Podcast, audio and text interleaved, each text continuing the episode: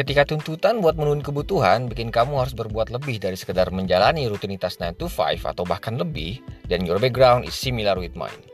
Ketika sejak kecil kamu sudah memiliki jiwa entrepreneur, terbiasa menjual sesuatu, apa pun jenis barang atau jasanya, dan menikmati hasil penjualannya, maka ceritamu mirip dengan ceritaku.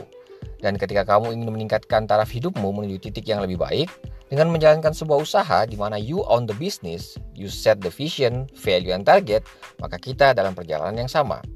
Kenalin aku Adam, dan ini adalah Workapreneur.